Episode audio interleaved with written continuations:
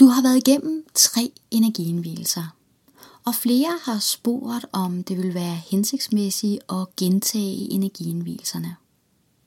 Flere har faktisk øh, fortalt mig, at de synes simpelthen, at de her energienvielser var bare så dejlige, at, at de bare havde lyst til at høre dem igen.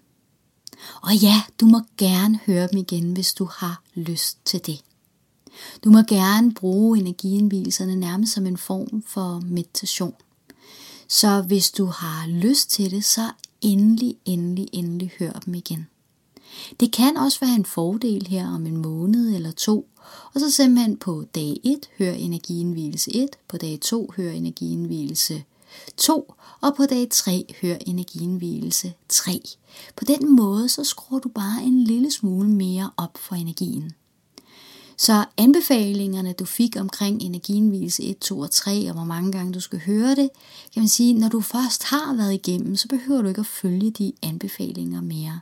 Hvis der er en af energienvielserne, som du bare synes er super dejlig, for eksempel energienvielse 2, vil du sagtens kunne høre den, også selvom du ikke har genhørt energienvielse nummer 1.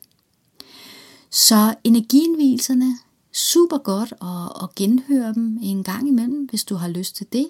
Og måske sidder du også bare, ej, dem har jeg slet ikke lyst til at høre igen, og så lader du selvfølgelig bare være med det. Ved at bruge teknikkerne, både øh, selve selvhealingen og de blå kugler, jamen på den måde bliver energien også integreret endnu mere øh, i dig. Så du behøver ikke at høre energienviserne igen, men du må gerne.